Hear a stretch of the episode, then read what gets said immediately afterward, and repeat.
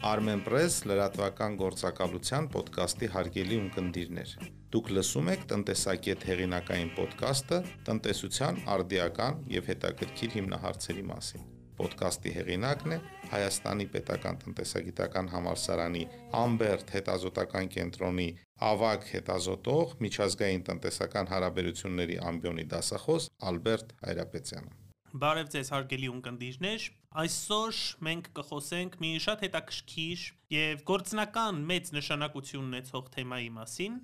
առևտրային արբիտրաժ։ Նախքան թեմային անցնելը,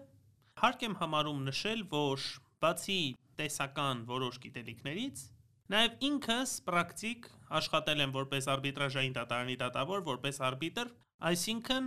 ոլորտին տիրապետում եմ նաև իր բոլոր գործնական նրբություններով հանդերձ։ Թեման ունի ոչ այնքան եւ ոչ միայն տեսական, որքան գործնական նշանակություն, որովհետեւ ենթադրաբար մեր ունկնդիրներն ունեն վարկեր, որոնք տրվել են վարկային պայմանագրերի հիման վրա։ Այդ պայմանագրերում կա առանձին բաժին, կոչվում է վեճերի լուծման կարգը։ Եվ եթե դուք հենց այս պահին գնաք եւ բացեք պայմանագրի այդ հատվածը, ապա ամենայն հավանականությամբ Առավել քան 80% դեպքերում, նույնիսկ կարծում եմ, այնտեղ նշված կլինի, որ վեճերը լուծվում են ոչ թե բանակցությունների միջոցով եւ համաձայնություն չգալու դեպքում պետական դատարանում, այլ կամ բանակցությունների միջոցով կամ էլ այսինչ այսինչ արբիտրաժով կամ էլ միանգամից արբիտրաժի անունն է նշված։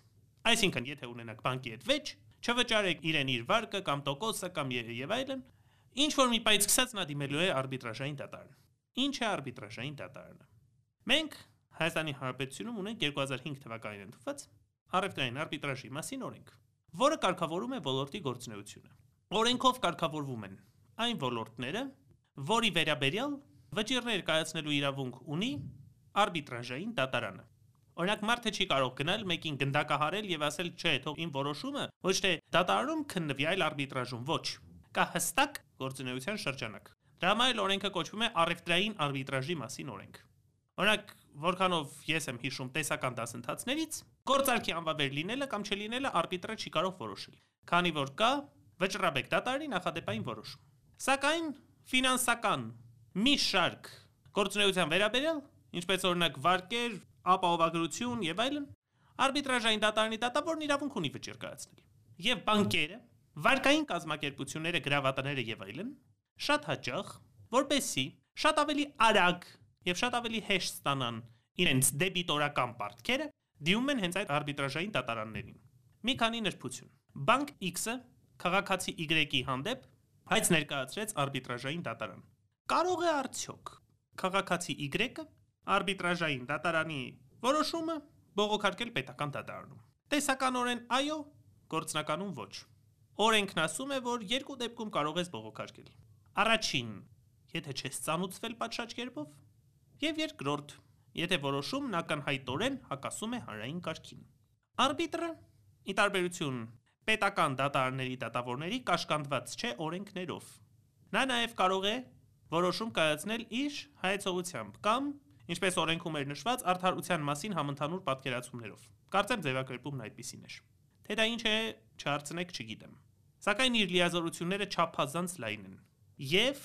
պետական դատարանը վճռի բովանդակությունը վիճարկելու իրավունք չունի։ Քաղաքացի Y-ը կարող է ասել, որ այ ես չեմ ծանուցվել, չես ծանուցվել, արբիտրաժային դատարանից կպահանջենք քեզ ծանուցել։ Կարող է արդյոք արբիտրի կայացրած վճիռը որևէ տեղ բողոքարկվել։ Ոչ։ Չկա վերաքննիչ դատարան, չկա վճռաբեկ դատարան եւ կայացրած որոշումը վերջնական է։ Իհարկե կայացրած որոշումից հետո հաղթող կողմը պետք է գնա պետական դատարան, որպեսի վերցնի կատարողական թերթիկ որպեսի այդ կատաղական թերթիկի հիման վրա արդեն հարկադիրը բռնականությունները կարողանա կատարել։ Բայց ոչ ավել։ Այսինքն նորից եթե կրկնենք, լիազորությունները արբիտրաժային դատարանի դատավորի լիազորությունները չափազանց լայն են։ Այ հենց հիմա իմ արչև նստած է Տաթև Զաքարյանը։ Մենք միասին հաղորդում ենք վարում։ Ինձ օժանդակում է, ինչի համար շատ շնորհակալ եմ։ Պատկերացրեք, մենք միասին խնդիր ունենք։ Ես կամ ինքը չենք կատարել պայմանագրով նախատեսված մեր պարտավորությունները։ Արդյոք ինձ Անհրաժեշտ է Տաթևի համաձայնությունը, որպեսի գործը ստանեմ արբիտրաժային դատարան։ Ամենևին, եթե նախապես Տաթևը համաձայնվել է, որ մեր գործը պետք է քննվի այսինչ արբիտրաժային դատարանում,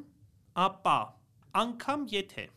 մեր մեջ վեճ առաջանալու դեպքում Տաթևը առաջ գի, որ այդ որոշումը պետք է քննվի X, այլ ոչ թե Y արբիտրաժային դատարանում կամ նախընտրի պետական դատարանը, ապա միևնույն է, ես իրավունք ունեմ, հաշվի առնելով իր նախնական համաձայնությունը,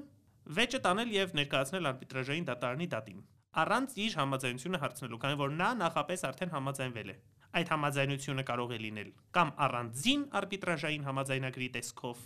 կամ էլ պայմանագրի կետ կարող է ընդհանրապես լինել վեճերի լուծման կարգը։ Սակայն մի պայման կա։ Իմ եւ Տաթևի միջև կնքված արբիտրաժային համաձայնությունը պարտադիր կերպով պետք է լինի գրավոր։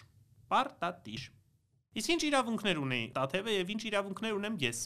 Մենք յուրաքանչյուրը կարող է ընտրել իր արբիտրին դատարանում կամ արբիտրներին, որ չստացվի տեսությանը դեմ բաներ են խոսում։ Սակայն արբիտրների վերջնական թվականակը պարտադիր պետք է լինի կենտ։ Երկու արբիտր ես ընտրեցի, երկու արբիտր Տաթևը։ Իրենք 4-ով որոշում են թե ով պետք է լինի 5-րդը, որպեսզի կարողանան ունենալ ձայների մեծամասնություն։ 6 հատ ես ընտրեցի, 6 հատ ինքը 12 հոգով որոշում են թե ով պետքա լինի 13-րդը։ Այ գործը քննող արբիտրը կամ արբիտրների խումբն էլ կոչվում է տրիբունալ, արբիտրաժային տրիբունալ։ Իսկ այն տեսակի են լինում այդ արբիտրաժային դատարանները։ Երկու տեսակի՝ ad hoc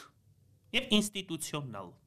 Որն է ad hoc դատարանը։ Ես եւ Տաթևը վեճ ունենք։ Մեզնից յուրաքանչյուրը ընտրում է Armenpress լրատվական գործակալության մեկ աշխատակցի եւ այդ երկու աշխատակիցներն էլ իրենց հերթին ընտրում են երրորդ աշխատակցին։ Սա ad hoc դատարանի օրինակ է։ Այդ մարդկանց պրոֆեսիոնալ գործունեության ձևը չէ արբիտրաժը։ Ընդամենը մենք խնդրել ենք, որպեսի իրենք մեզ համար մեր վեճը լուծեն։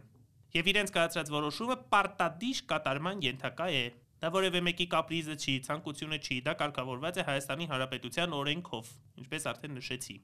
Եվ այդ մարտիկ, քանի որ լրագրողներ են, առաջին անգամ են առնչվում եւ այլն, այդպիսի տրիբունալը կլինի ad hoc տրիբունալ։ Մինչդեռ եթե մենք գնանք մասնագիտացված կազմակերպություն, որ հենց արբիտրաժային ծառայություններ է մատուցում, այդա կլինի ինստիտուցիոնալը։ Իսկ կարող է ցանկացած ոք վճռել, թե հնարավոր վեճի դեպքում ես եմ ճիշտ է Տաթևը Զաքարյան։ Ոչ, Կա երկու նախապայման, որին պետք է բավարարի տվյալ քաղաքացին։ Ես խոսում եմ Հայաստանի օրենսդրության մասին։ Այլ երկրներում թե ինչպես է, չգիտեմ։ Առաջին, պետք է լինի 25 տարեկանից բարձր։ Այսինքն ես եւ Տաթևը պետք է ընտրենք Armenpress-ի այն աշխատակցին, որը 25 տարեկանից բարձր է։ Կարծում եմ մեծ կլինի ընտրությունը։ Երկրորդ, պարտադիր պետք է ունենա բարձրագույն կրթություն։ Կապ չունի ինչ ոլորտի տնտեսագետ կլինի, իրավաբան կլինի, լրագրող կլինի, թե ֆրանսերեն բանասիրության մասնագետ նշանակություն չունի։ Օրենքն ասում է, պետք է ունենա բարձրագույն կրթություն։ Այս երկու պայմաններին բավարարող անձնավորությունը կարող է լինել արբիտրաժային դատարանի դատավոր։ Եվ մի փոքրել այս համատեքստում կցանկանայի խոսել առհասարակ կազմակերպությունների մոտիվացիայի մասին։ Այնչու հարգելի ունկնդիր, հարգելի քաղաքացի, ձեզ վարկ տված կամ փոխատվություն, որևէ տեսակի փոխատվություն տված ֆինանսական կազմակերպությունը նախընտրում է թակել ոչ թե պետական դատարանի, այլ մասնավոր արբիտրաժային դատարանի դուռը։ Պատասխանը շատ པարզ է։ Բյուրոկրատիան է շատ քիչ։ Արբիտրաժային դատարանն ինքը որպես կանոն լինում է շահույթ հետապնդող կազմակերպություն։ Հիմա կասեմ թե ինչու։ Եվ որքան արագ վճիռ գրի տվյալ կազմակերպությունը, ապա միավոր ժամանակում այդքան ավելի շատ վճիռներ կկարողանա գրել։ Հետևաբար միավոր ժամանակում ավելի շատ եկամուտ կկարողանա գեներացնել իր եւ իր հիմնադիրների համար բյուրոկրատական ընթացակարգեր չկան։ Եթե պետական ընդհանուր իրավասության դատարներում գործի քննությունը տևում է ամիսներ, երբեմն տարիներ, ապա այստեղ բավական է միայն պահպանել ծանուցման ժամկետները։ Այսինքն դու պատշաճ ձևով ծանուցում ես դիմացի կողմին, եւ այդ դիմացի կողմը 5 օր կարծեմ ժամանակ ունի, որ կարողանա գրել իր պատասխանը եւ հետ ուղարկել դատարան։ Իր դիրքորոշումը։ Ցավոք իմ փորձից պետք է ասեմ, առանց որևէ արբիտրաժային գաղտնիք բացելու, որ քաղաքացիները մեծ մասամբ ձեռնպահ են մնում դիրքորոշում գրելուց։ Ինչն էլ գալիս է ընդհանուր անտեղյակությունից այդ քաղաքացիների։ Քաղաքացիները որպես կանոն պատասխանող կողմն են լինում, հայց որ կողմը մեծ մասամբ լինում է ֆինանսական կազմակերպությունը։ Ժամկետանց վարկերի հետ կապված օրինակ։ Արագությունը 1 Երկրորդը, ինչպես արդեն նշեցի, չկան վերաքննիչ եւ վճռաբեկ դատարաններ։ Եվ երրորդը, արբիտրի դիսկրեցիան, ինչպես արդեն նշեցի, բավականին լայն է։ Եվ Քանի որ խոսքը գնում է շահույթ հետապնդող կազմակերպությունների մասին, ապա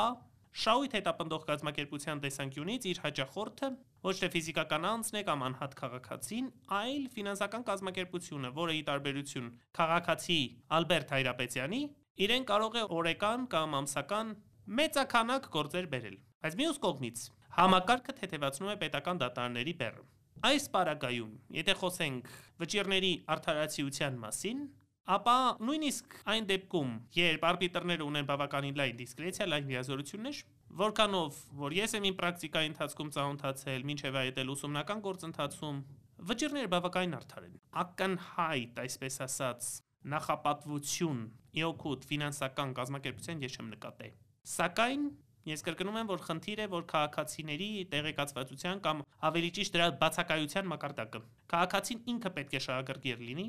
իրավունքները պաշտպանել պատշեր ձևով։ Ոչ ոք նրա փոխարեն դա չի անելու։ Անկախ նրանից դիմացինի լիազորությունները ինչքան են լայն, ինչքան են նեղ։ Մի փոքր էլ խոսենք այդ վճարների մասին, ըստ տվյալ կազմակերպության կանոնադրության, ընդհանուր հայցագնի որոշակի տոկոսը գնում է վճիռը կայացրած արբիտրներին։ Այդ տոկոսն էլ բաժանվում է արբիտրների քանակի միջև անպատասխանաբար 1, 3, 5 եւ այլն։ Բոլոր թվերը չենք թվարկելու։ Ինչ վերաբերում է այդ միջազգային օրենսդրությանը,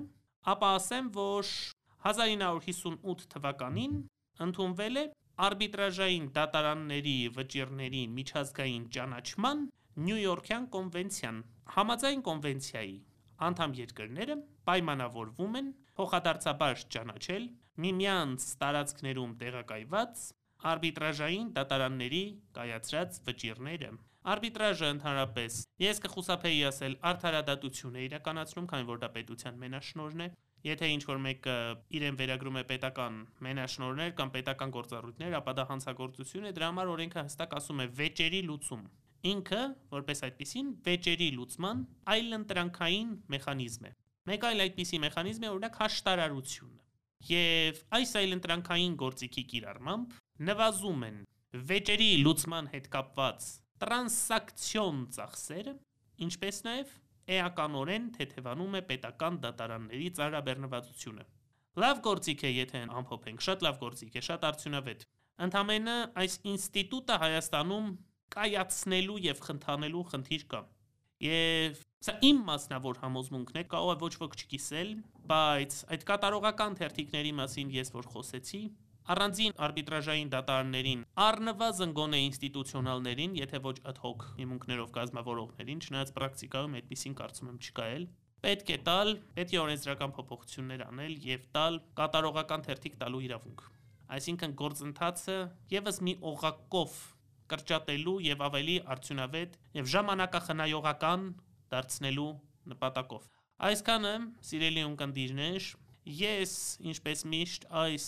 Պոդքասթը նույնպես Facebook սոցիալական ցանցի իմ էջում դնելու եմ եւ ուրախ կլինեմ պատասխանել թեմայի վերաբերյալ ցանկացած հարցի, եթե գտնում եք, որ դրա մասին անհրաժեշտ է խոսել եւ ես չեմ խոսել։ Շնորհակալություն։